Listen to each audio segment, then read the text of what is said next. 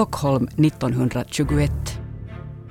Då det med skäl kan misstänkas att Valenius är en av de ledande männen i de stämplingar till förräderi varom utredning nu pågår har kriminalkonstapel Järpe, åtföljd av två andra polismän, torsdagen den 9 juni gjort ett besök i Valenius bostad i huset nummer 25B Heleneborgsgatan, varvid iakttagits att Valenius hustru i en kakelugn bränt papper som vid polismännens ankomst ännu glödde.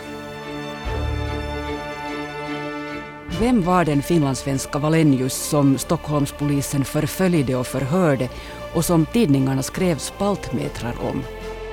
Du lyssnar till del 1 av dokumentären Röda resor om Allan Valenius äventyr i exil efter inbördeskriget av mig, Anvi Gardberg.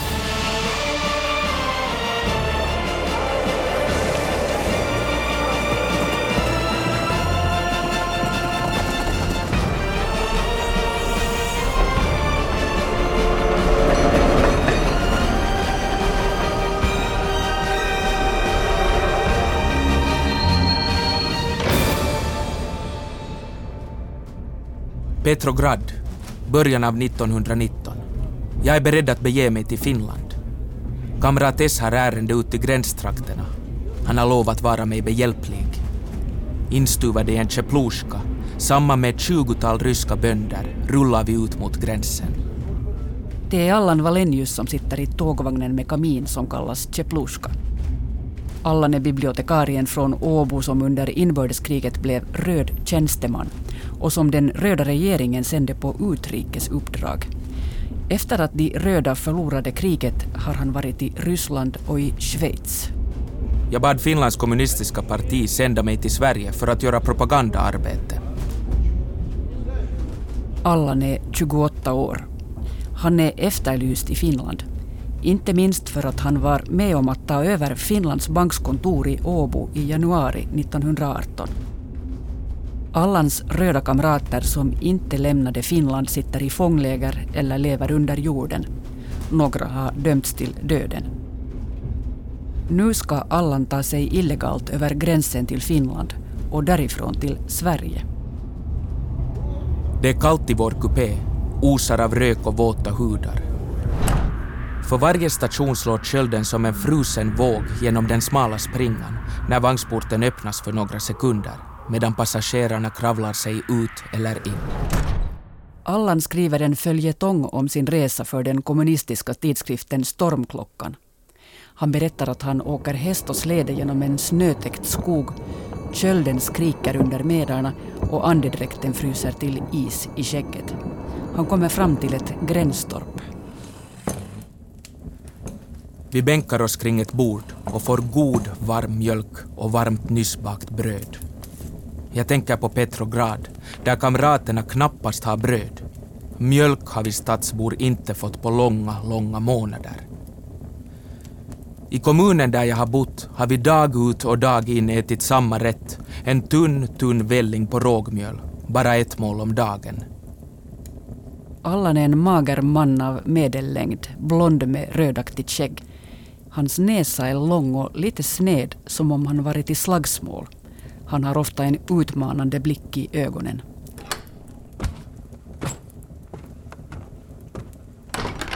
En jättelik arbetare kliver in i torpet. Det är Mäkinen som ska leda Allan över gränsen. De åker iväg i släde. Nära gränsen svänger de in i skogen. Mäkinen drar på halmflätade överskor som han har gömt under en gran. Han lyfter upp yxan på axeln och nickar åt Allan. Allan följer efter i Mäkinens fotspår. Han fingrar efter revolvern i fickan. Månen bryter fram mellan molnen. Satan, svär Mäkinen mellan tänderna. Som en pil skjuter han iväg och jag följer. Det är självklart om det finns en vakt på nära nejder som spejar ut längs gränsrån måste han se våra skuggor som ilar över gränsen bort från arbetarstaten till slaktarvåldets land. Men skogen tiger. Endast månens hånleende småborgar Nuna med sitt fördömda sken ser oss försvinna in bland buskarna på den finska sidan. Allan bär en ränsel och en väska och en god portion av det röda giftet, alltså revolutionära skrifter. Budkavlen ges ut i små häften. Allan har själv skrivit många av artiklarna. Jag går och tänker på den underliga situationen. Jag, bibliotekarien, bokmänniskan vandrar över gränsen ute i en öde skogsmark samman med en jättelik arbetare, skäggig, vild i synen som en rövare och väpnad med en väldig timmeryxa. Jag har ett oinskränkt förtroende för honom, följer hans minsta vink. Revolutionen håller tydligen på med ännu ett korrektur av min ställning i samhället. Plötsligt kastar sig Mäkinen ner. Med några tecken uppmanar mig Mäkinen att söka skydd bakom en sten ett par meter från mig. Själv kryper han in till en enrisbuske. Knappt har jag hasat mig fram till stenen, fiskat upp revolvern ur fickan, innan jag tydligt hör de skarpa ljuden av skidstavar som stöter mot skaren. Mäkinens tränade gränsöra har hört dem i tid. Med ett stelt leende nickar han bifall när han ser browningen i min hand. Nu hörs röster och inom några ögonblick glider en grupp av tre vitfinska soldater fram. Ett tiotal famnar framför oss. Stilla ligger vi lyssnande tills inga ljud hörs. Långsamt ger spänningen i nerverna vika. Hade vi gått tio famnar framåt innan vi kastade oss ner hade vi varit upptäckta. Det är ju farligt och förstås olovligt att ta sig över den här gränsen utan pass och det finns ju ingen liksom sån här laglig gränstrafik då ännu. Det här är historiker Mattias Kaihovirta. Alltså fram till hösten 1920 så, så råder det i princip krigstillstånd mellan Finland och Ryssland. Alltså vi har inte den här Dorpatfreden ännu. Så då, då har vi liksom den här gränsen är väldigt eh, bevakad och det förekommer ju förstås också sådana här väpnade konfrontationer mellan, mellan röda ryssar och, och sen då Finland, det vita Finland. Att det här är ju bara ett år efter inbördeskriget. Att, att det är klart att man från vitt håll jagar de här röda och, och vill förstås se att det inte upp, uppstår nya sådana här upprorsungar, nya revolutionsförsök. Så att, att det finns en, en stark sån här paranoia kan man säga i samhället mot, mot då, olika främlingar och människor som, som rör sig i suspekta ärenden. Mäkinen bor i en stor torpstuga. Han och Allan smyger sig dit på omvägar för det finns vita soldater i samma by. Allan får veta att en av Mäkinens söner har dött i fångläger och en annan sitter fången. Mäkinens sonhustru bjuder på te och barnen ser storögt på från sina sovplatser ovanför ugnen. Arbetarnas instinktiva och berättigade misstänksamhet mot de intellektuella kunde jag ofta känna så fort jag kom samman med en förut obekant arbetare. Hos Mäkinen hade vår nattliga färd avlägsnat denna misstänksamhet. Jag hade ungefär samma lugnande känsla som kom över mig i Åbo när jag kom till vår strejkkommitté efter det jag varit med om övertagandet av bankerna där. Bankplundringen kallade borgarna det. Från den stunden kände jag aldrig mera det misstroende som jag märkt från arbetarnas sida förut. Nästa dag köper Allan ett finländskt pass som han förfalskar egenhändigt. Han har med sig en ståtlig päls som kamrat Hyrskymurto har skaffat fram i Petrograd. Allan ska låtsas vara Gulasho skogsjobbare på resa genom Finland. Till sin hemstad Åbo kan Allan inte fara. Där är han alltför välkänd. Hans mor Sigrid och far August är ensamma kvar i hemmet på Ryska kyrkogatan. Allans bror Paul stupade som vit hjälte och jägarkapten. Allan är det enda barn Sigrid och August har kvar. Föräldrarna har ont om pengar och Allan har obetalda skulder i Åbo. Kanske tänker Allan hellre på revolutionen och på sin åländska fästmö Alice Rosenblad som väntar i Stockholm. Han har skrivit många dikter den senaste tiden. Livet är rött. Det kysser med blodsvarma fuktiga läppar. Dess kyss rusar, men till trots och strid. Människorna vaknar. Massorna följer fanor, blodigt röda som livet. Stormen rycker mig med. Nästa natt är utan måne och mörkret är kompakt. Allan och Mäkinen fortsätter resan med häst och släde. De är på väg till en mindre station där Allan ska ta tåget. Vi kan anta att de är någonstans i närheten av Terijoki. Halvt sovande sitter jag vid Mäkinens sida medan hästen ilar fram längs skogsvägen. Då vaknar jag plötsligt från min halvslummer av en mötande släde som rusar mot oss från en sidoväg. Två män springer ur släden, gevär i hand. Den ena fattar tygeln på vår häst, den andra stiger fram till släden. För en sekund är jag överraskad och förskräckt. Genom hjärnan går tanken hitintill, men inte längre.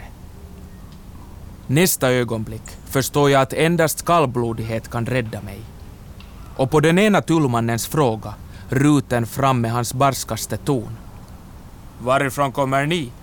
svarar jag lugnt. Hyvää ilta, god afton. Och efter en liten paus, medan jag sätter mig till rätta. Det är väl pass och papper ni vill se? Och så knäpper jag upp min päls, vars fina skinn glänser i mörkret. Söker jag fram min präktiga Lapplands plånbok. Viker upp den och bjuder honom mitt självfabricerade pass. Direktör så och så, därifrån och därifrån, presenterar jag mig. Här i skogsaffärer. Måste ta tåget imorgon bitti. Tullmannen granskar passet. Det är mörkt. Den andra släpper greppet i hästens tygel och kommer fram till oss. Med åtskilligt av misstänksamhet i rösten frågar han efter tändstickor för att granska namn och fotografi. Men den första avböjer artigt. Med honör lämnar man mig passet tillbaka, ber om ursäkt att man stört och så försvinner tullinstitutionens representanter medan Mäkinen som suttit tyst hela tiden smackar manande på vår häst. Hästen travar vidare. Mäkinen skrattar tyst vid Allans sida. Tidigt på morgonen når de den lilla stationen. Allan stiger på tåget. Ingen lägger märke till honom i hans andra klass kupé och han är trött och somnar. Konduktören väcker honom när han ska byta tåg. Det här är en större station. Det kan vara Viborg. Här blev väntan längre än jag beräknat. En av de många detektiverna som fanns utposterade på station följde mig med blickarna vart jag än gick. Jag köpte ett huvudstadsblad. Han satte sig i obehaglig närhet medan jag läste det i väntsalen. Jag köpte Uusi Suomi och fortsatte lektyren. Äntligen kom tåget. Allan slår sig ner i en tredjeklasskupé och läser vidare. När han tittar upp sitter detektiven mitt emot honom. Han flyttar till andra klass och detektiven följer efter. Allan griper tidningen och fortsätter att läsa. Då hör jag kupédörren låsas till. Förstår att också den andra samtidigt låses och att passkontrollen förestår. Och när kontrollören når fram till mig räcker jag ut mitt pass. Utan att se upp fortsätter jag min läsning. Mannen ger mig en hastig blick och en ännu flyktigare åt mitt pass. Varsågod. Och går vidare, medan jag mekaniskt, som vore jag övervan vid denna procedur, sticker passet i fickan och intresserad läser vidare.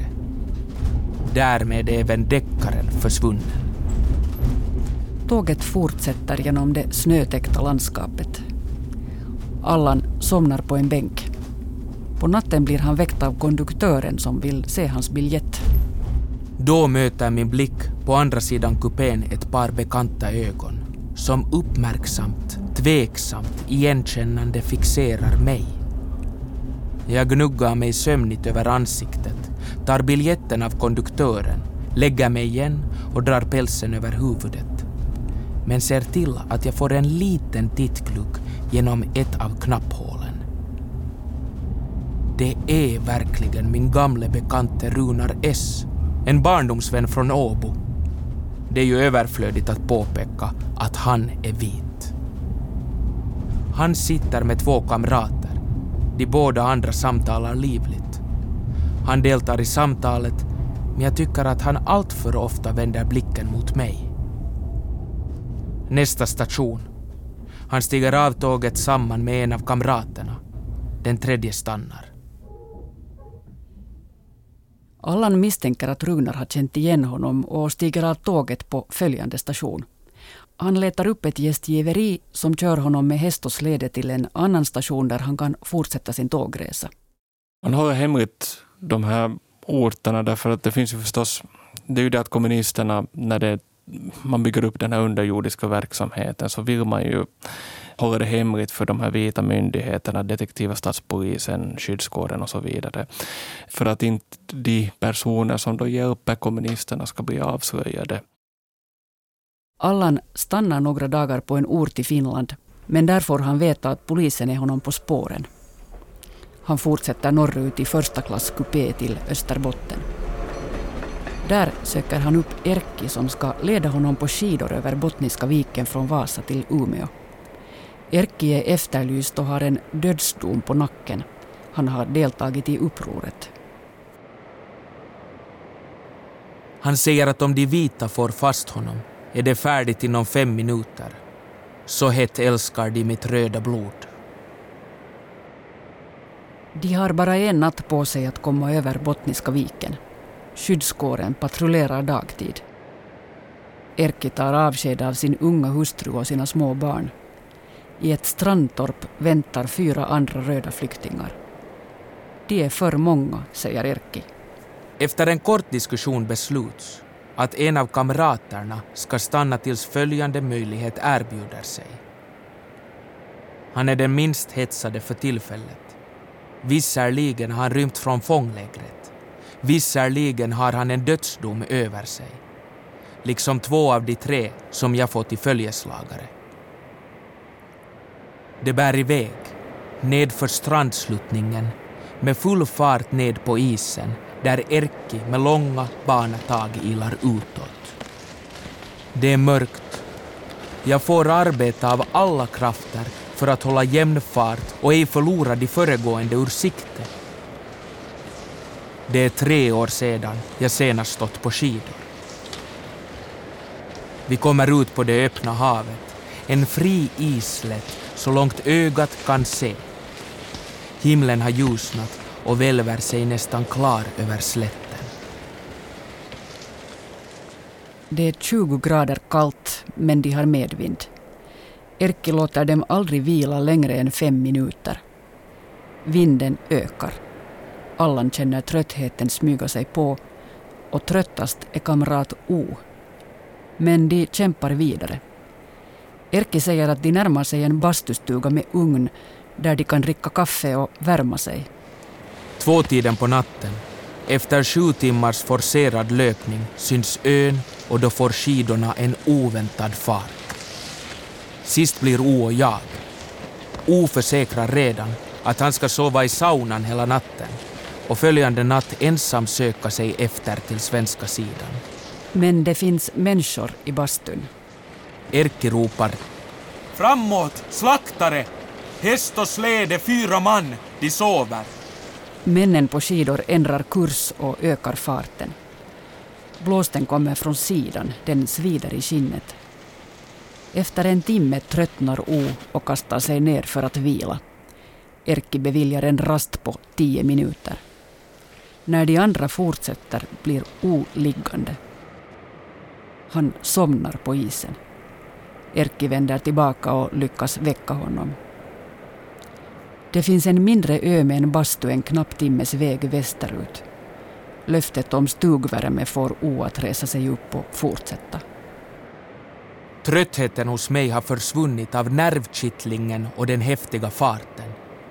Jag glider fram hack i häl efter Erkki. En efter en kommer de andra.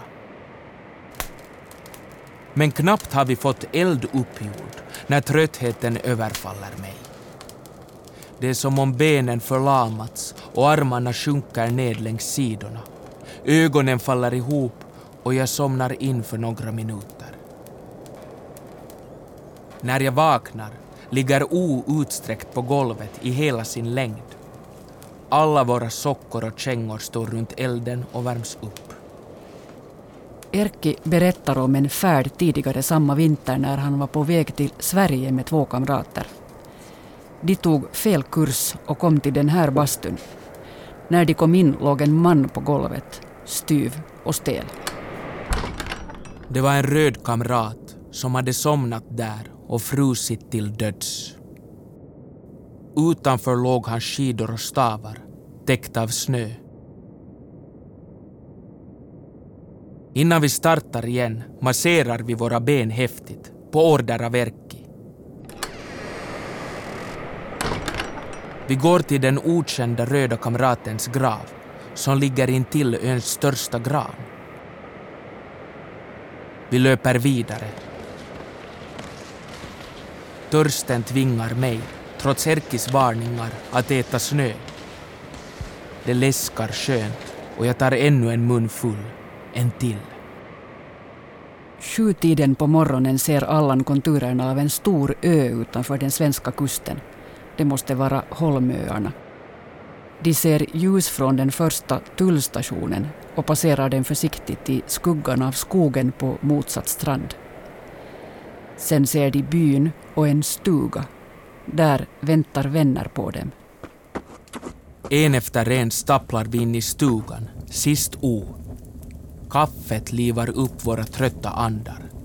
Sen sover vi några timmar, varefter vi hungriga som vargar kastar oss över den bjudna maten. Nu hämnar sig snöätningen. Mitt svalg har skollats av den frusna snön. Det smärtar som av knivar varje gång jag ska svälja.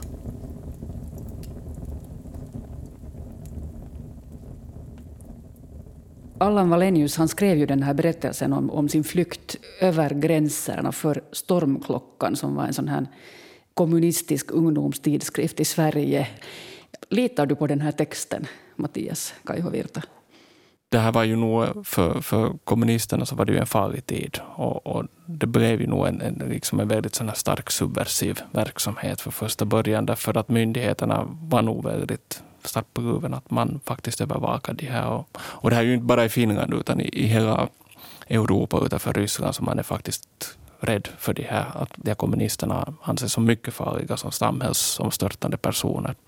Men sen samtidigt så vill man ju också skapa, just i, i som den här stormklockan, en sån här hjältegloria för sina anhängare. Att, att vilka hjältar man är då och hur man offrar sig själv och, och gör vad som helst för kampen och, och så vidare. Att, att, att det är nog att bygga upp en sån här myt också samtidigt kring sig själv.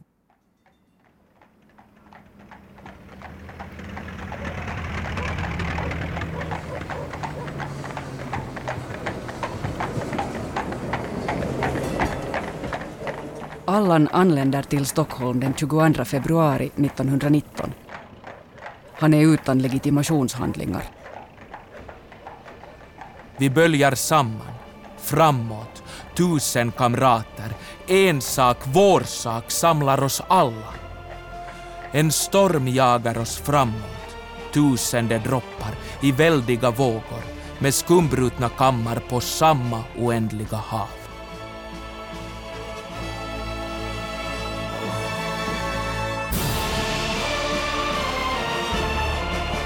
Du har hört del ett av dokumentären Röda resor om Allan Wallenius äventyr i exil efter inbördeskriget.